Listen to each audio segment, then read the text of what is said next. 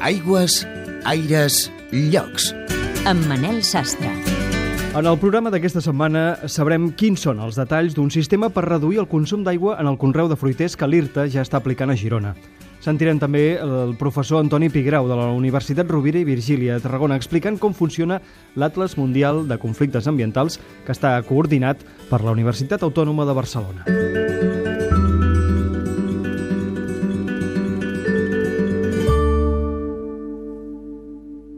La veu de l'aigua.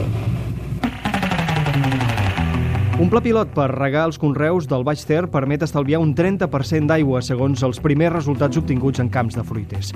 El sistema es vol implantar progressivament a tots els cultius de la zona.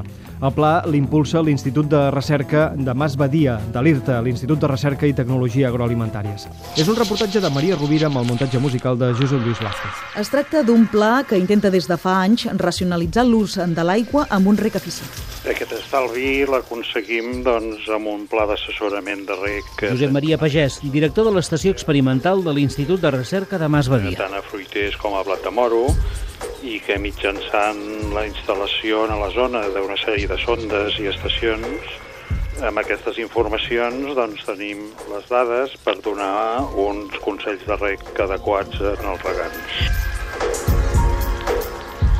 Els resultats s'han analitzat arran d'un estudi de l'aplicació en els camps de fruiters. És un estudi, però que ja en fruiters, per exemple, està bastant avançat. Els agricultors de la zona, de les diferents empreses i cooperatives, estan ja aplicant des de l'any passat aquestes informacions i estem aconseguint doncs, uns resultats eh, força interessants, tant del punt de vista del conreu com del punt de vista de l'estalvi d'aigua.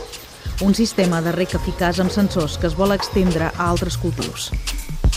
Hem començat amb fruiters, amb blat de moro, i ara el tema és anar a extendre-ho doncs, amb verdes, Jordi Aulet, un dels portaveus de la comunitat de regants del Baix i Ter. ara què podem fer també amb el tema arròs. El, tema arròs també és inundació, però a veure quines possibilitats hi ha, no? Són uns sensors que es posen a terra, que medeixen humitat, i després la planta tira d'una cota amb una altra cota al subsol, i després el que tracta és mantenir la humitat que toca en aquesta part del subsol. I aquí ens marca doncs, quan hem de regar i quan hem de regar.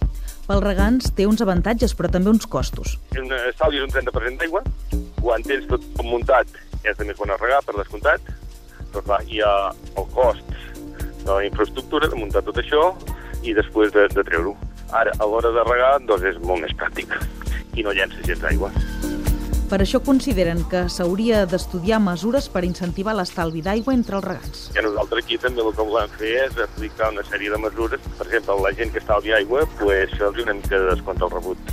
La gent que fa rec eficient, pues, es fem un descompte per hectàrea o, o posar comptadors i després eh, pagar per metre cúbic, saps? Però clar, posar comptadors, tenim unes mil boques, posar mil comptadors, pues, això és un cost molt gros.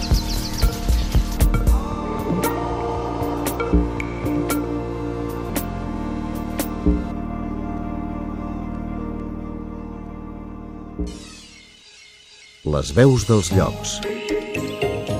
Soc Antoni Pigrau, director del Centre d'Estudis de Dret Ambiental de Tarragona. Us voldria explicar que estem participant en un projecte finançat per la Unió Europea anomenat IJOLT, que està coordinat pel professor Joan Martínez Alier de la Universitat Autònoma de Barcelona.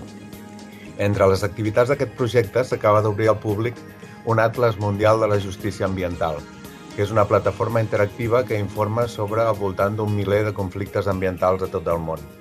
L'Atlas mostra com els conflictes ecològics han anat augmentant a tot el món impulsats per les creixents demandes d'energia i recursos del model econòmic dominant. Presenta tant els impactes negatius dels conflictes com les lluites que les comunitats afectades han dut o estan duent a terme contra aquests impactes.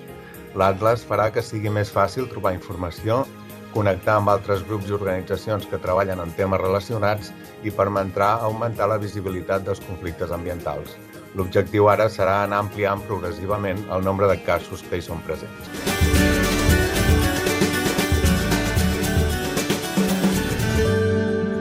Aigües, aires, llocs.